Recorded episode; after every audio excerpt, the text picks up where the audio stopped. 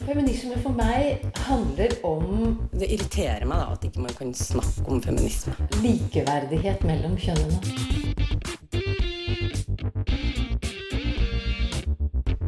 Det blikket på kvinnen på film. handlet det om å bli tatt på alvor som jente. Du hører på Et eget rom på Radio Nova.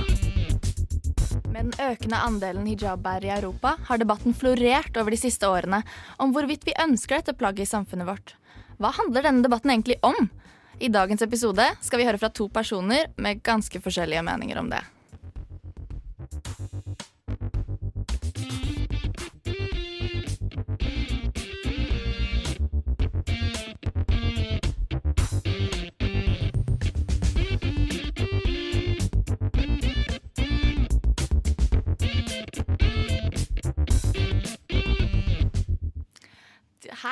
Hører på Et eget rom, og i dag så skal vi snakke om hijab. Eh, Med meg i studio så har jeg Anne Marie Sunde.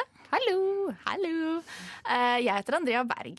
Eh, Denne sendingen skal handle om hijabdebatten i Norge. Og i løpet av neste timen så kommer vi til å høre to ganske ulike syn på hijab. Eh, både fra Nasish Khan, som valgte å ta på seg skjerfet som tenåring, og har båret det siden da, og fra Elisabeth Isaksen Rye Florens, som mener hijaben eh, innskrenker barns identitetsutfoldelse. Jeg gleder meg skikkelig, Anne Marie. Ja, altså Det er jo veldig mange ting her som man kan ta tak i. Eh, og det er jo en debatt som egentlig har gått for alltid, føler jeg. da. Jeg føler den kommer opp igjen sånn hvert femte år eller noe. Så blir det på en måte en ny hijab-debatt i Norge. da. Det nyeste nå er jo på en måte debatt i skolen. Men det er jo noe som går hele tida. Mm. Og, eh, men det som er litt sånn farlig her, føler jeg, er at eh, det er ganske mange forskjellige typer eh, plagg som, det, som eh, dukker opp i denne debatten. Kanskje typisk hijab og nikab, som blir litt forvirret. Kan ikke du hjelpe oss litt her, Anne Marie? Så spurte hun meg, da. Men ja, altså, hijab er jo den der man har dekt hår og nakke, eh, men ansiktet er åpent, gjerne som går til skuldre. Eh, mens nikab er jo da den som eh, går eh, for det første lenger ned, men som også dekker ah, typ alt bortsett fra øynene. Så man har den stripa eh, over øynene som er åpen, og da er resten tildekt. Så det er egentlig hovedforskjellen, da. Men det er bra du poengterer det, for det er en veldig viktig forskjell. For det er jo ganske stor enighet om at nikab kanskje er større utfordringer med enn hijab. Så det er en stor forskjell. Mm. Og det har jo nå tredd i kraft et forbud mot nikab i norske skoler og universiteter. Eh, så det er kanskje litt viktig da å presisere at det er faktisk ikke det vi snakker om. Vi snakker om hijab. Bare hijab denne sendingen. Ja. Um, ja. Men jeg er jo ny i denne redaksjonen, eller forholdsvis ny. Um, og jeg har liksom, men jeg har fått litt inntrykk av at man kanskje har kviet seg litt for å ta denne debatten før. Altså Ja, altså vi har jo snakka om det flere ganger, at vi burde ha en sending om hijab. Både hijab i skolen og hijab versus nikab, altså hodeplagg, religiøse hodeplagg. da. Og vi har hatt en gang der vi snakka om akkurat hodeplaggene. Men den debatten her er veldig sensitiv, og jeg tror den er så sensitiv fordi at, sånn som vi sikkert kommer til å finne ut i dag, da, så er det veldig vanskelig å komme fram til sånn riktig svar. Fordi du har den derre Altså, alt går på frihet, da, og egne valg og selvstendighet. Og så har du liksom religionsfrihet på én side, og så har du på en måte beskyttelse av barn på andre sida. Og det er en veldig vanskelig debatt. Og ofte veldig sånn opp til enkelttilfeller hva som egentlig er riktig. Så det er veldig vanskelig å finne en sånn linje for alle, hvis det gir mening. Mm. Og jeg også var, så, jeg var skikkelig gira da vi bestemte oss for dette temaet. Og kanskje litt sånn arrogant. Og så har jeg blitt eh, mer og mer usikker på hva jeg mener. Og, og sånn. Men jeg gleder meg veldig til å høre fra de, eh, de vi skal høre fra i dag.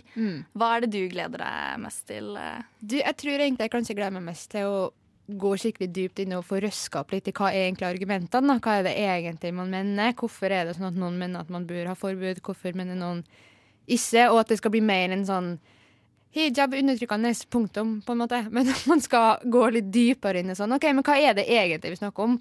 Ja. Mm. Jeg gleder meg skikkelig til eh, å høre fra første person som vi skal høre fra, Nasish Khan. Hun skal fortelle litt om hvordan, eh, hvordan hun opplever eh, å være hijabi i dag. Hijabi er forresten en person som bærer hijab. Det burde du kanskje også presisere. Men først skal vi høre Malgirl med Slay Queen.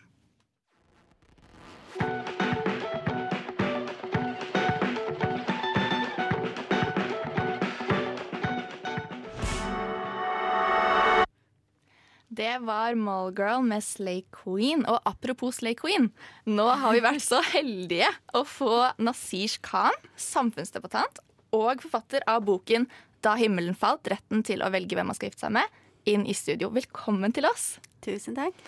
Eh, du har også tatt med deg døtrene dine. De sitter i rommet ved siden av. Det syns jeg er så gøy. Det er koselig, ass. Ja, De syns også det var kjempespennende å sitte der, faktisk. Vi satser på at vi har noen fremtidige radiojournalister der, altså. Det kan nok stemme. Um, ja. Du, Nasish, valgte å ta på deg hijaben på videregående, var det det? Det stemmer. Kan du fortelle litt om det? Ja. Um, det egentlig så begynte det veldig i tenårene mine, når uh, religion, altså islam, ble veldig plutselig satt i fokus.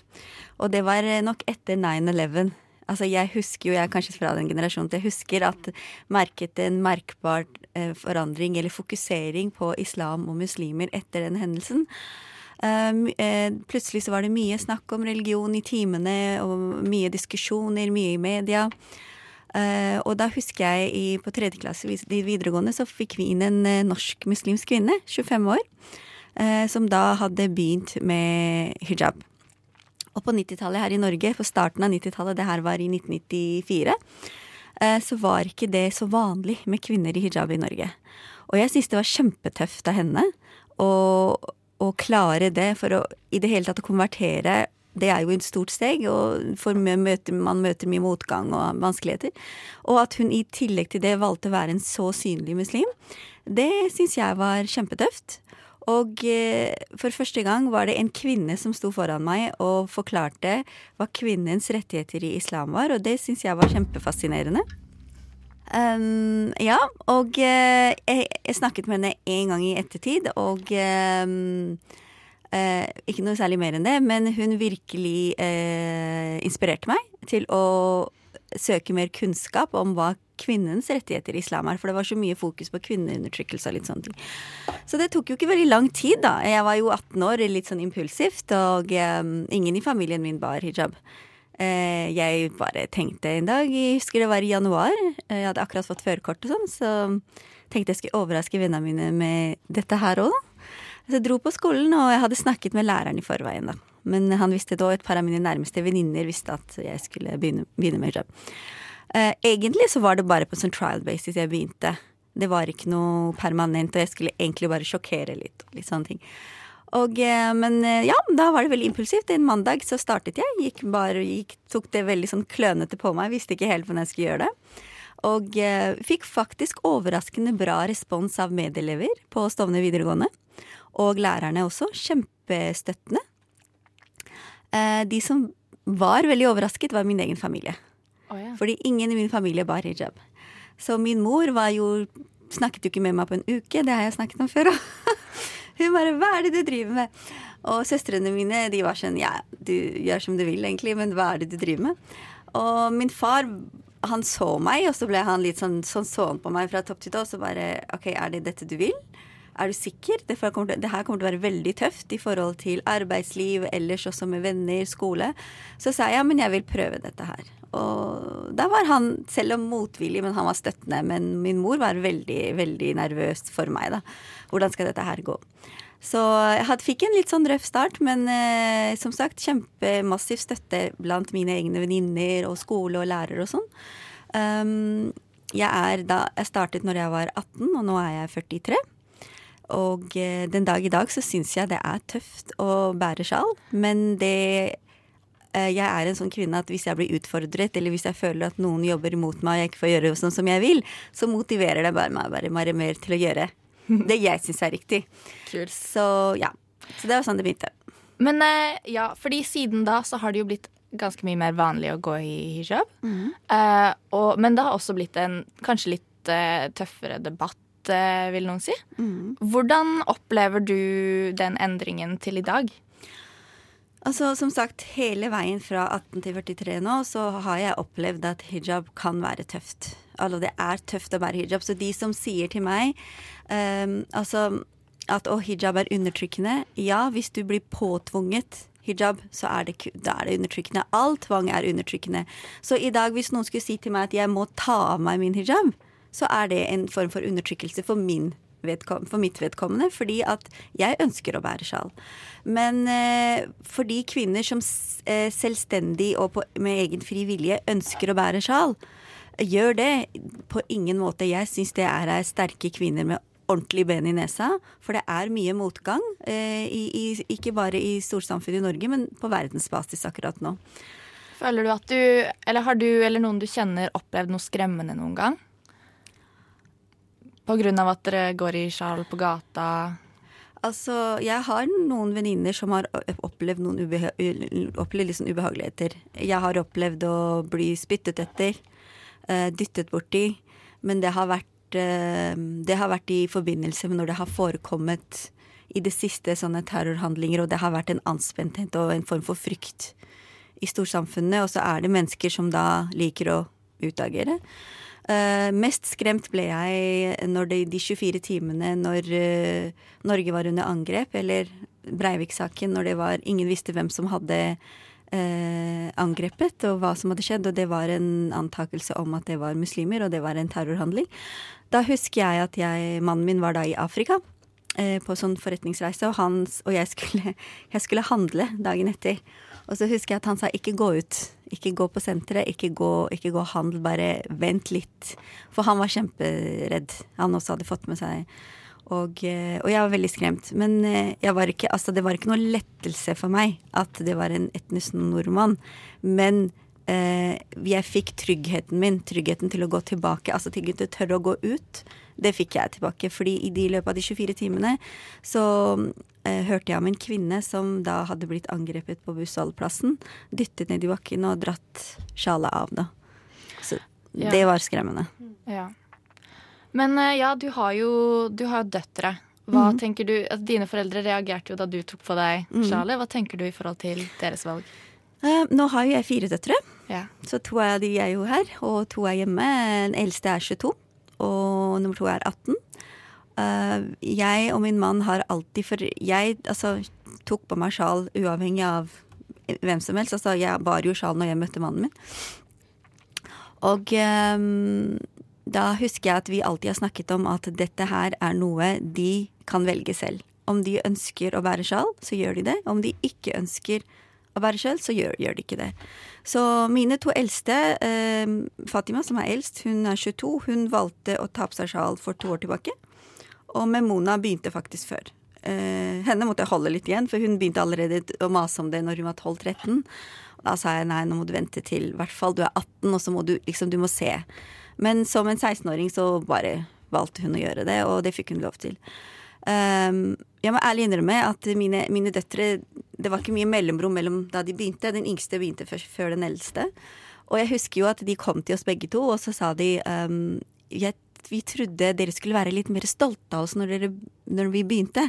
Så sa jeg altså jeg er stolt av ethvert et, et valg dere tar. Eh, men om jeg har vært litt stille eller vært litt tilbakeholden når jeg har sett at dere har bestemt dere for dette her, så er det fordi at jeg har følt på kroppen hva det vil si å bære hijab. Altså blikk, kroppsspråk, eh, hvordan du blir behandlet i butikken til tider. Det er tøffe ting. Til og med arbeidsliv, eh, venner. Det er mye du merker, og eh, jeg er litt sånn usikker på om dere er forberedt på det. Og om dere er det også som mamma, så blir jeg litt skeptisk og bekymret for at dere skal gå gjennom de samme tøffe tidene som jeg gikk gjennom, da. Mm. Så, men om de i dag velger å ta av seg, så er det ikke noe problem i det hele tatt. Det velger de selv. Og kort til slutt. Eh, det er jo en del feministisk kritikk mot mm. Eh, hijaben, som, mm. at den er tilslørende og kjønnsaggregerende. Mm. Eh, du, forstår du den som viktig? Altså, hva tenker du om den? Jeg tenker at uh, ethvert menneske har rett til å ha sin egen mening. Uh, jeg kan snakke om meg selv. Og jeg ser på ingen måte det som kvinneundertrykkende at jeg uh, bærer sjal. Jeg tenker at hvis det er respekt og åpenhet, og det skal det være også, det er ikke det at hvis, det er feil ord, men det skal være respekt og åpenhet for at enhver kvinne kan gå kledd som hun vil. Så hvis jeg ønsker i dag å ta på meg en miniskjørt, et miniskjørt og en kort topp, så skal jeg respekteres på lik linje med at jeg velger selv å gå med hijab og være tildekket. Så respekt for eh, fritt valg er det som er nøkkelordet her. Mm. Ja, det var det vi rakk for nå. Takk for at du tok deg tid til å komme hit, Nasish. Tusen takk. Det har vært veldig fint å snakke med deg. Nå skal vi høre 'Blomst' fra oss som bare drar.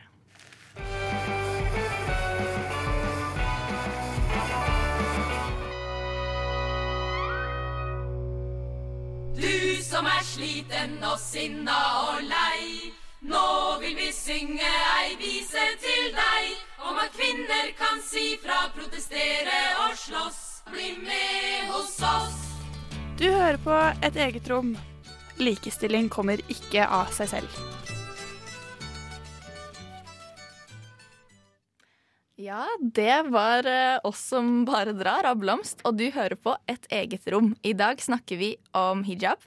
Og vi hørte nettopp fra Nasish Khan om hvordan det er å være hijabi i Oslo i dag.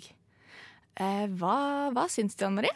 Du, jeg syns det var veldig kult å høre hva hun hadde å si om det, egentlig. Og så syns jeg det er fint når man tar seg tida til å på en måte dra frem litt sånn personlige historier og individet i det hele tatt, da. For det blir veldig fort en sånn veldig overfladisk debatt om alle mennesker og alle er så like og bla, bla, bla. Så det er veldig fint å høre en sånn historie om sånn OK, det her er min opplevelse, det her er sånn som jeg har opplevd det. Og også veldig fint å høre det hun sa om døtrene sine valg, da. Jeg Mm, enig. Jeg likte veldig godt at vi fikk høre det derre tregenerasjonsperspektivet, da. Ja. Og liksom litt om hvordan man slåss litt med seg selv om hva man mener på det, og ja. Ja. Mm. Men eh, var det noe du syntes var liksom overraskende med det vi hørte? Mm, kanskje ikke overraskende sånn sett. Det er jo litt sånn jeg håper på her, hvis det gir mening. At jeg skulle ønske alle historier var litt sånn. At man har valgt alt sjøl, og, eh, og at man gir samme valget til sine barn, og så videre og så videre. på en måte. Men det er jo litt interessant å høre også hvordan både hun som mor og hennes mor hadde på en måte tanker som kanskje ikke var så bare positive da, til det at barna eh, begynte å bruke hijab, på en måte. Altså, For mora sa jo hva hun ikke prata med henne på ei uke.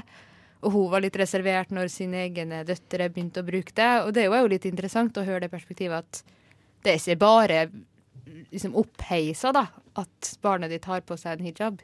Mm. Mm. Jeg syns Ja. Jeg syns også det var litt sånn fint å, å høre at um, Det var litt sånn menneskeliggjørende, da. At uh, her uh, er det ikke bare et fasitsvar, og hvis man er muslim, så skal man det, og de gamle tvinger de unge til å følge tradisjon. Det er liksom ikke Jeg tror man har en veldig sånn tydelig idé i hodet sitt av hvordan den historien skal høres ut, da. Men jeg, ja, jeg syns det var litt sånn uh, overraskende å høre hvor mye sånn sjikanering eh, hun utsettes for. Og liksom, Oslo er jo byen min, jeg, og jeg har jo aldri sett noe sånn. Altså, men jeg syns det er veldig Har du noen gang liksom sett noe um, nei, ikke sånn mot uh, hijabisk ut å si, nei. Men altså, jeg kan jo forstå at det skjer, fordi vi hører jo om det altså, sånn, ofte nok til at vi egentlig bør innse at ok, det her skjer veldig ofte, og det skjer i byen vår. Og litt interessant også at det er på en måte Oslo, da, der man har ganske mange som bærer hijab. Eh, jeg lurer på om det er enda verre, på en måte, om du er i en liten by som er utafor Oslo, eller om det er eh, lettere, skulle du si, hermetegn. Altså, det er litt sånn interessant, da. Er det, er det, blir det mer diskriminering når det er flere som har det, eller er det motsatt? For det har jo også blitt flere som bærer hijab i Norge, sant? Så det sånn, har det blitt mer diskriminering? Mindre? Hvem vet? Hvem veit? um, men ja, nå skal vi snart høre fra enda en samfunnsengasjert dame. Eh, nemlig Elisabeth Isaksen Rye Florens. Det er munnfull, ass. Eh, som i fjor skrev et innlegg for Minerva hvor hun argumenterer for hvorfor hijaben bør forbys i grunnskolen. Eh, hun var medlem i Høyres kvinneforum i seks år, og er i dag en gründer. Så det er Elisabeth. Eh, og jeg har turet hele veien opp til Røa og snakket med henne. det skal dere føre nå. Du skrev et innlegg i Minerva i fjor hvor du oppfordret sterkt til at hijaben bør forbys i skolen. Hvorfor bør den det? Eh, nei, det er flere årsaker til det. Jeg mener at det viktigste er at eh, hijab er et veldig sterk identitetsmarkør. Eh, og at hvis man er vant til å gå med den fra man er veldig liten, så påvirker det den personen du er og blir, da. Eh, og jeg mener at når man bor i et veldig individualistisk samfunn som det norske samfunnet er, så bør det for det første ikke være noe forskjell mellom små barn, om det er gutter eller jenter.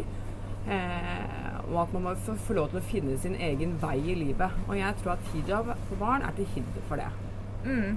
For du har, jo, du har jo skrevet i innlegget ditt at du mener at Listhaug sitt utspill om at hijaben utfordrer det norske samfunnet og dets verdier, at det er ganske overdrevent. Men at det er liksom trussel mot barns egen eh, identitetsutfoldelse.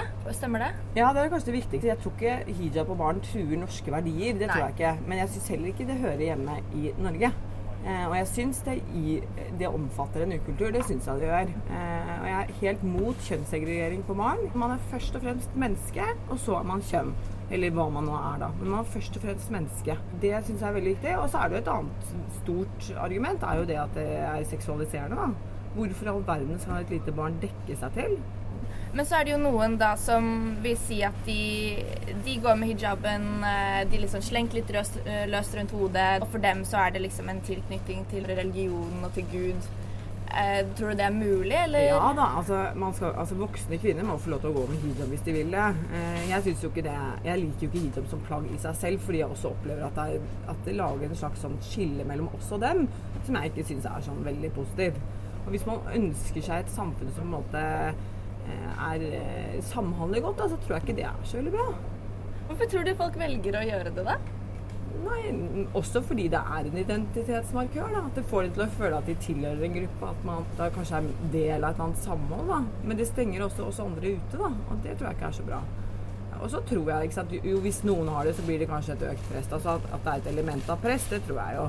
Men så tror jeg nok ikke at små barn opplever det som veldig. Jeg tror ikke de står og slåss mot foreldrene sine nødvendigvis. Men at foreldrene selv kan også oppleve et press mot moskésamfunn. Og hvis man da hadde hatt en lov som sa at dessverre det er ikke lov å ha på barn hijab, så kunne man skyldt på den loven. Så jeg tror for mange foreldre kunne det også vært en lettelse at det var et forbud mot hijab. Hva med andre religiøse symbol? Eh, hva skiller hijaben fra Nei, For det første så er det kjønnssegregerende.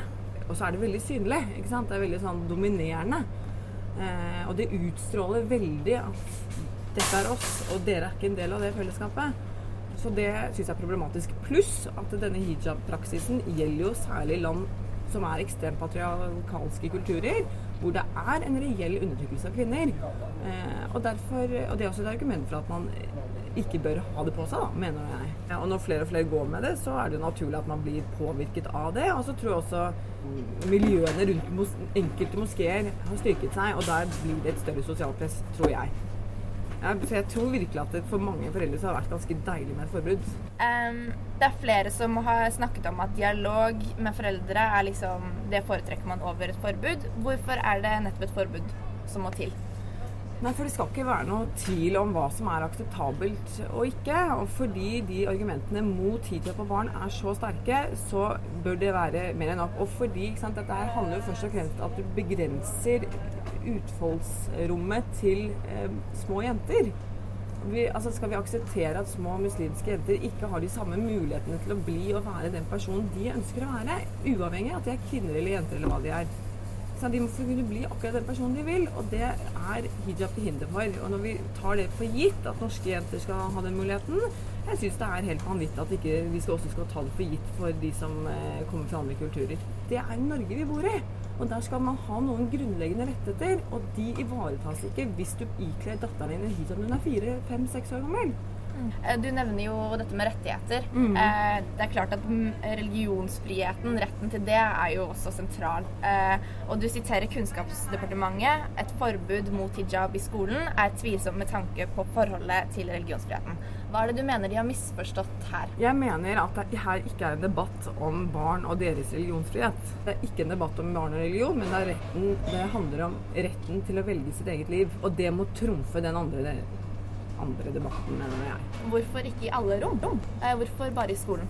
Nei, for min del kunne det vært overalt. Men det er liksom skolen som er utgangspunktet. Men jeg syns vel egentlig ikke det bør være lov i det hele tatt. Jeg syns man har satt en aldersgrense på lova på bruk av hijab. Ja, jeg mener oppriktig. Hvor tenker du den aldersgrensen 16 Ja? Ja. Da tenker du folk er i stand til å ta det valget selv? Ja, man måtte jo ha på en måte landet på et tall, da. Eh, og du kan jo si at da kan du skape motkrefter, og da blir det veldig populært å ta på seg den hijaben når du er 16 år. Men argumentasjonen bak må jo være nettopp det at vi lever i et individualistisk samfunn. Hvis man styrker den, hvis man får på en måte konsensus rundt den tankegangen, så tror jeg også at de som hadde valgt å ta på seg hijaben, hadde tenkt seg veldig grundig om. At det ikke ble en sånn protestsak, da nødvendigvis. For det er jo Sveinung Rotevatn sier jo nemlig det at han mener at hvis man forbyr, så skaper man bare protest, og så får man et større problem senere. Det tror jeg er feil. Jeg tror at å sette et forbud, så hjelper du en del mennesker til å slippe å ta det valget, eller slippe å gjennomføre noe de kanskje egentlig ikke vil. Men det er jo noen også som ville brukt kanskje akkurat det samme argumentet som deg for det motsatte. At Sikkert. som et individualistisk samfunn Mm. så er retten til å ta på seg hva man vil, viktig. Ja, men det er et kollektivistisk valg, og du kan ikke Det er familien som bestemmer det. Det er ikke en seksåring. Du kan ikke si ja, men hun matet så fælt, og da måtte jeg gi etter. Det er bullshit. Det er bullshit. Eh, Det var jeg som hadde vært og snakket med Elisabeth eh, Isaksen Rye Florens om hvorfor hun mener man burde forby hijab i skolen. Eh, Og det skal Anne Marie og jeg snakke mer om straks, men først Heartbreak Satellite med BO.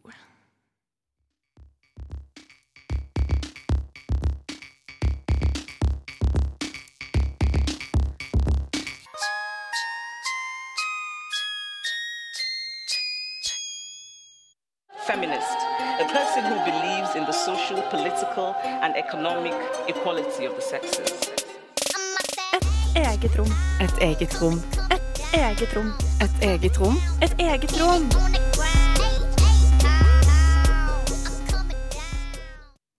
Det var Beo med Heartbreak eh, Satellite, og du hører på et eget rom. I dag snakker vi om hijab. Og til nå har vi hørt fra både en hijabi og fra en som mener hijaben bør forbys.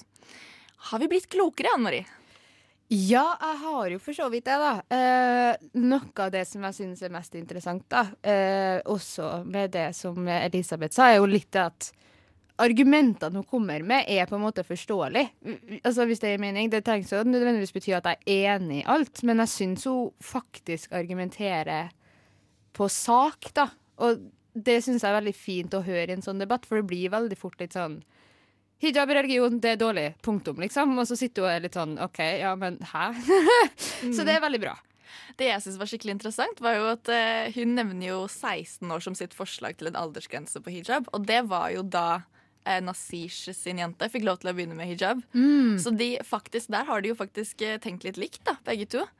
Um, og jeg skjønner jo det poenget hun kom med. Kan en seksåring egentlig ta et stort identitetsformende valg? Ja, det er jo litt altså, Ja, og det er litt det jeg mener da med at jeg forstår hva hun mener. Fordi jeg ville ut, altså, ut av den konteksten her av liksom hijab-sending, så har jeg kommet til å sagt nei. En seksåring kan ikke ta et sånt valg sjøl, fordi man er så sykt påvirka av foreldre og Altså, det er jo litt samme som sånn et barn imiterer foreldrene sine uansett, og jenter imiterer ofte mødrene sine veldig mye. Sant? Det er sånn, det er en grunn til at jenter begynner å skeive leggene og sånn. Liksom. Det er jo fordi foreldrene gjør det, fordi mora gjør det.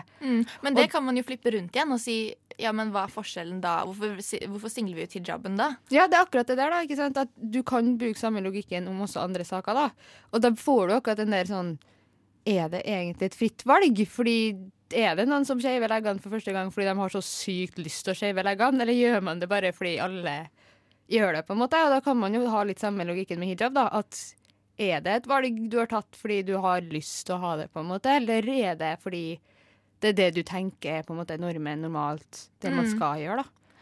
Men uh, det, ja, det er en ting jeg syns er litt vanskelig, bare. Og jeg tror ikke dette gjelder Elisabeth. Eh, vi har snakket mye med henne etter intervjuet også, og det virker som hun er veldig engasjert i kvinnesaker generelt. Eh, men jeg har litt sånn problem, får litt sånn hetta når politikere som resten av året ikke nevner kvinnerettigheter med et ord, eh, plutselig kommer og er sånn radikal feminist når det er snakk om hijaben. Eh, og dette har faktisk et begrep. Det heter femonasjonalisme. Eh, det er et begrep som kommer fra Sarah Farris bok eh, 'In the Name of Women's Rights'. Det må Eh, du forklare.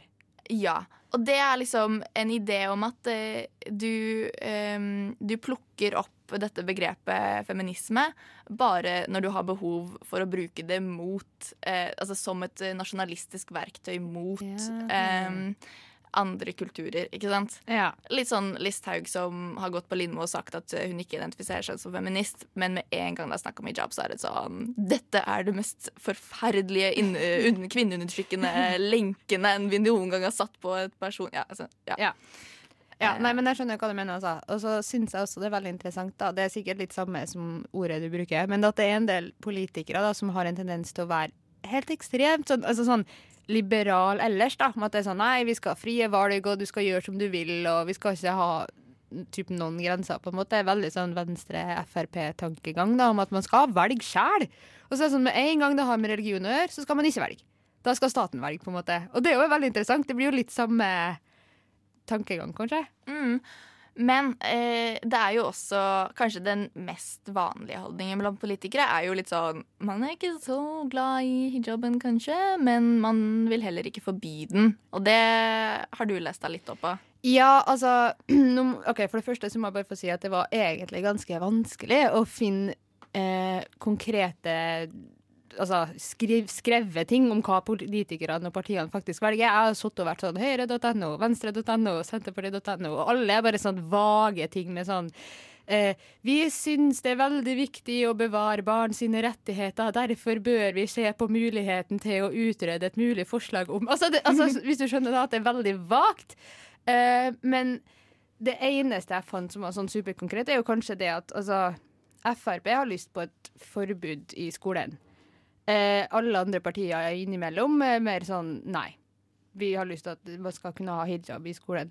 Eh, og så er det, jo, det er jo kanskje litt viktig å presisere at det nye forslaget som kom nå, eh, gjelder jo eh, nikab, ikke hijab. Eh, altså det heldekkende som bare viser øynene.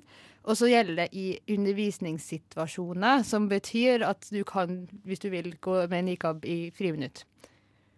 Også interessant. Det er interessant. Ja, og så har hva han heter Jan Bøhler, han som er sånn Ap-politiker i Oslo, har jo vært ute og vært sånn Det holder ikke, det her er superteit. Når, eh, når de satte ned den liksom grensa, da, at det skulle være i uta, ut, utdanningssituasjoner, og ikke på en måte for hele skolen, da, så var han bare sånn Det her er jo bullshit, at vi skal sitte og ha et forbud i timen, men så skal man kunne springe ut i friminutt og ha på nikab, liksom. Ja, Ja. interessant. Man tenker jo kanskje at det skulle ha vært noen andre parti som var de veldig sterke pågangerne for det her, men det er det ikke. Interesting. Mhm. Men, eh, men ja, du er jo en eh, Jeg kan jo liksom se en del av de argumentene for å forby nikab i klasserommet i forhold til sånn kommunikasjon mellom lærer og elev, og det har jo du også snakket litt om eh, før. Men hva tenker du om hijab? Du er jo lærerstudent. det må jeg kanskje Ja. nevne. På vegne av alle lærerstudenter, liksom. Nei da. Men eh, altså, ja, jeg er, vel, jeg er for så vidt tror jeg er enig i det at det er en bra ting at folk ikke har på seg nikab eller burka i undervisningssituasjoner. Og det har absolutt ingenting med at, at man skal si hva folk får lov til å ha på seg, liksom. Det har noe med at som lærer, da, så er det viktigste man har, er relasjonen til elever. Det er det som gjør at elevene trives på skolen. Det er det som gjør at elever lærer. Hvis du ikke har en eller annen form for relasjon til læreren din, så lærer du heller ikke det du skal. Eh, sånn, for at skolen skal funke da, til det som skolen skal gjøre, på en måte, så er det veldig viktig at man klarer å få den relasjonen. Og veldig mye av det kommer gjennom øyne og smil og ansikt og sånn. Så jeg ser veldig godt den, det argumentet deres med at man må kunne se ansiktene til hverandre. Ja, for nikab, da. Ja, Ja. for nikab undervisningssituasjoner. Men hijab har jeg ingen problemer med. Nei. Det er jo ingen forskjell whatsoever mellom en person som sitter med hijab i timen, og en person som sitter med caps, liksom. Ingen forskjell. Det er jo bare at man ikke ser hår, på en måte. Altså, ja, nei, det gjør ingenting. Men hvis vi liksom antar sånn Hvis vi, et, hvis vi setter som premiss da, at vi liksom generelt ikke er så fan av hijab Altså som premiss, da. eh, fordi det er typ kvinneundertrykkende eller noe sånt. Eh, tenker du at det er strategisk å forby det i skolen? Eller tror du det kommer til å skape liksom motreaksjoner? For det er liksom jeg har tenkt litt på, da. Ja, fordi det er litt det som jeg syns er det farlige, da. Det er bra du sa, for du minte meg på det òg. At jeg er redd for at reaksjonen man får da ved å ha sånne forbud, er at folk ikke kommer på skolen. Ja. Hvis det er mening, altså at resultatet blir bare at jenter ikke kommer. At de f.eks. slutter etter ungdomsskolen fordi de velger å begynne å bruke eh, hijab. Og så går de ikke videregående, f.eks. Og så har de ikke muligheten til å ta mer utdanning hvis de vil det. De kommer seg ikke ut i arbeidsmarkedet, de blir ikke selvstendig. Så nei, jeg syns faktisk ikke det er strategisk heller. Jeg føler vi gjør vondt for alle hvis vi ja, har At- det forbudet. At det blir en slags sånn bjørnetjeneste Ja. til disse jentene. Ja. Men det er ikke bare i Norge vi har denne debatten. Eh, som forlengelse av liksom, valgets store innvandringsdebatt, så har de også eh, våre naboer i øst eh, hatt en hijab-debatt eh, de siste årene. Eh, vårt redaksjonsmedlem Linda Rosenberg har laget et innslag om en forestilling som ble dekket av distriktsradioen i Sverige, og handler om hvorfor det å bære hijab eh, Hvordan det oppleves der. Eh, men først en låt, 'Shattered Me' med Bass Drum of Death.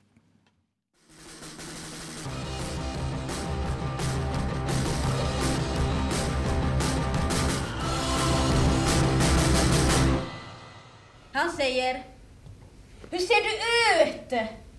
Du ser ut som en terrorist! Ingen gjør noe. Og når jeg går og sätter meg, så ser jeg en ung blatte kille sitte med sin treningsveske bredvid seg. Og jeg tenker Bror, hvorfor gjorde du ingenting? Hvorfor sa du ikke ifrån? Hvorfor gjorde du ingenting? De heter Sara og Shama. Benin, Mariam og Rohani. Fem unge svenske kvinner med helt vanlige interesser. Men også fem muslimske kvinner som har valgt å bære hijab og å identifisere seg med denne. Det går jo ut på att eh, vi fem hijabis står på scenen, beretter om våre personlige opplevelser og sen even allmänna saker som en hijabi får gå igjennom, både i Sverige og utenfor Sverige. I oktober 2016 debuterte den svenske dramatikeren Amerika Vera Zavala som regissør med forestillingen 'Svenske hijabis'.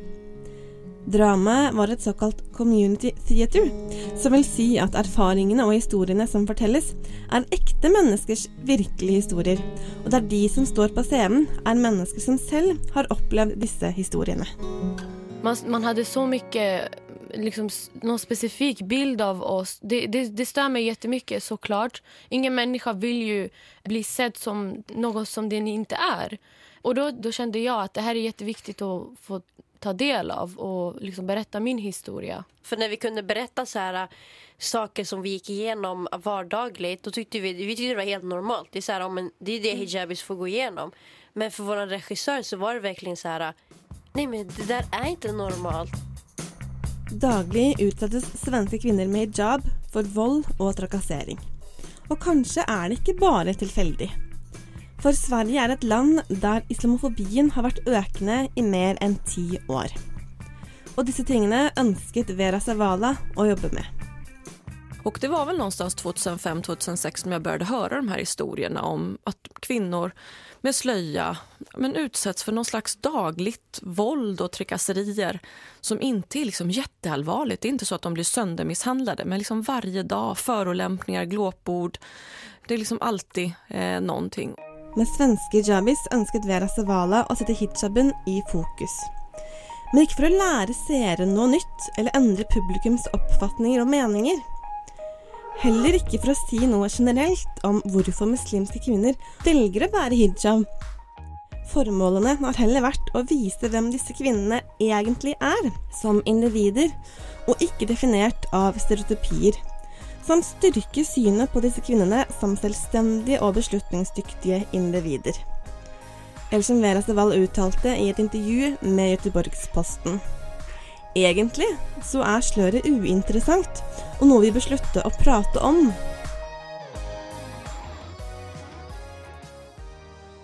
Kvinnene selv har uttalt. Med dette stykket så fikk de muligheten til å skape en ny representasjon på svensk scene. Og vise andre at man kan være religiøs og bære hijab, og likevel gjøre det man ønsker å gjøre. Men også å vise at kvinner med hijab også bør få muligheten til å dele egne erfaringer og historier. Man har noen spesifikke bilde av oss om hvordan vi er förtryckta og hvordan vi blir tvunget til å ha på sløyen, eller eh, blir tvunget liksom til ulike andre saker. Sen er det jo også at eh, hverdagslivet ser annorlunda ut for oss. Det kan være alt fra at vi får eh, blickar på oss i tunnelbanan eller liksom när man är ute i offentliga platser. Att någon til till och med tar sig rätten att eh, skrika någonting åt oss eller eh, säga några fula ord. Man visar väldigt tydligt att man tar avstånd från oss. Eh, takk til eh, Linda for spennende innslag. Eh, og til Bassdrum of Death med låta 'Shattered Me'. Um, ja, Nå har Linda gitt oss et lite innblikk i hvordan det er å være hijabi i Sverige. Um, og det som jeg syns er litt interessant, og som minner meg om den norske debatten, er at folk får så veldig behov for å diskutere hijaben liksom i et vakuum. Liksom, vi må huske at det er dette plagget det handler om, og sånn, og så glemmer man liksom at sånne debatter også har en personlig innvirkning på den gruppen som vi snakker om. Det syns jeg var ganske interessant. Hva, hva var det du Ja, ok, Det var mange ting som var interessant, men Ja. bare for å liksom bygge videre på det du Ja. sa òg. Fordi det har jeg også tenkt på at det er litt Altså ikke litt. Det er trist at det er en del som også feminister, for den saks skyld, som gjennom på en måte, handlinger og ordene deres og sånn, eh, ekskluderer en gruppe kvinner da, fordi de går med hijab. Og jeg syns det er veldig dumt for debatten nå, da, som helhet, på en måte, for man mister jo veldig masse viktige stemmer som ikke bare er om hijab, men det er jo et hel helhetlig menneske her. Sant? Som OK, hijab er én ting som identifiserer deg, men altså, ingen menneske er jo bare den ene tingen. Så man på en måte reduserer veldig altså, komplekse, kule damer da, til ett plagg. Mm. Og det er veldig interessant. Det var egentlig noe jeg hadde veldig lyst til å snakke om. Eh, er det der det interseksjonelle feministiske perspektivet. Som sier at hvis du har en, en person som er satt sammen av flere forskjellige minoritetsidentiteter eller undertrykte identiteter, som f.eks. da en muslim og en kvinne, som er en person, Mm. eh, så kan du ikke liksom komme inn og, og uh, frata henne en del av muslimskheten hennes. Eh, Og ikke forvente også å undertrykke kvinnen i henne. Og at det derfor blir en slags sånn merkelig sånn dobbelthet i den eh, At man skal liksom fri, frigjøre kvinnen. Men ikke Men ikke muslimen. Ja. Og da ender man opp med å undertrykke. Altså det er Da, liksom, da undertrykker man hele mennesket, på en måte. ja, Ja. Det er det interseksjonelle perspektivet på dette her. Da. Og det syns jeg er veldig interessant. Mhm. For man kommer liksom ikke vekk fra at man også er muslim som en hijabi. Ja, det er det. Det er Ja, men altså Jeg blir så irritert da over akkurat det der, at man skal på en måte redusere et menneske til én ting, og den ene tingen skal liksom være et symbol på alt det forferdelige som eh, islam potensielt kan gjøre mot, eller så være med kvinner, da, ikke sant? Og så blir alt det trykka ned i det ene lille symbolet, og så blir det sånn alle som bærer det symbolet, blir liksom et tegn på all undertrykking som noen gang har skjedd pga. islam ever, på en måte. Og det er veldig trist, da. Mm. Men eh, altså, nå har vi fått utrolig mange forskjellige perspektiver og inntrykk gjennom denne sendingen. Hvis vi skal liksom koke dette ned litt sånn hva, hva, hva er det dette handler om? Jeg tror noe av det som det gjør det her veldig vanskelig, da, er at det handler om den derre spenningspunktet mellom liksom religionsfrihet og eh, frihet til å velge å være den du vil sjøl. Men samtidig så har du det der samfunnsperspektivet med liksom sikkerhet og at staten skal beskytte sine borgere. da. Og da får du det der doble med sånn OK, skal man velge sjøl, eller skal staten legge til rette sånn at det er trygt uansett? Altså, Ja. Skjønner du hva jeg mener? Mm. Ja, for dette her har jo du prøvd å eh, lære meg om som den pedagogiske lærerstudenten du er før sending. Men med frihet til og frihet fra, ikke sant? Skal Mm. du ha frihet Hva blir det? Frihet fra at staten skal kontrollere valgene dine? Mm. Eller frihet til å kunne eh, liksom bli hjulpet av staten? Ja. Altså Hvis staten legger til rette og liksom lager veien for deg, så har du frihet til noe. Mm. Eh, fordi da er det en rettighet som staten liksom har skapt. Men hvis du har frihet fra noe, så er det motsatt. For da er det egentlig bare at du står helt fritt til å gjøre noe. Så det er frihet fra at staten blander seg. da. Mm. Og det er jo litt det spenningspunktet som er egentlig veldig interessant, og som vi sikkert kunne ha prata om veldig mye lenger, egentlig. Men Ja. det er ikke noe rett svar, da. Det er litt det som er problemet. At det er så individuelt og opp til hvert enkelt menneske og hver enkelt familie og hver enkelt situasjon at det er så utrolig vanskelig da at staten skal gå inn og si noe generelt om alle, da.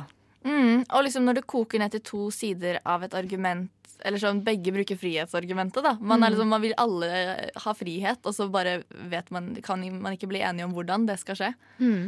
Men eh, vi er rett og slett nødt til å runde av for denne gang. Eh, tusen, tusen takk til tekniker Jawad Ben Hammo. Um, og til Anne Marie Sunde, som har vært med her i studio. Uh, takk til Linda Rosenberg, som lagde innslag om hijab i Sverige. Og ikke minst takk til Nasir Khan og Elisabeth Rye Florens for deres bidrag til denne sendingen. Uh, jeg heter Andrea Berg, og du har hørt på Et eget rom. Og på veien ut så får du High Høps med Blue Eyes.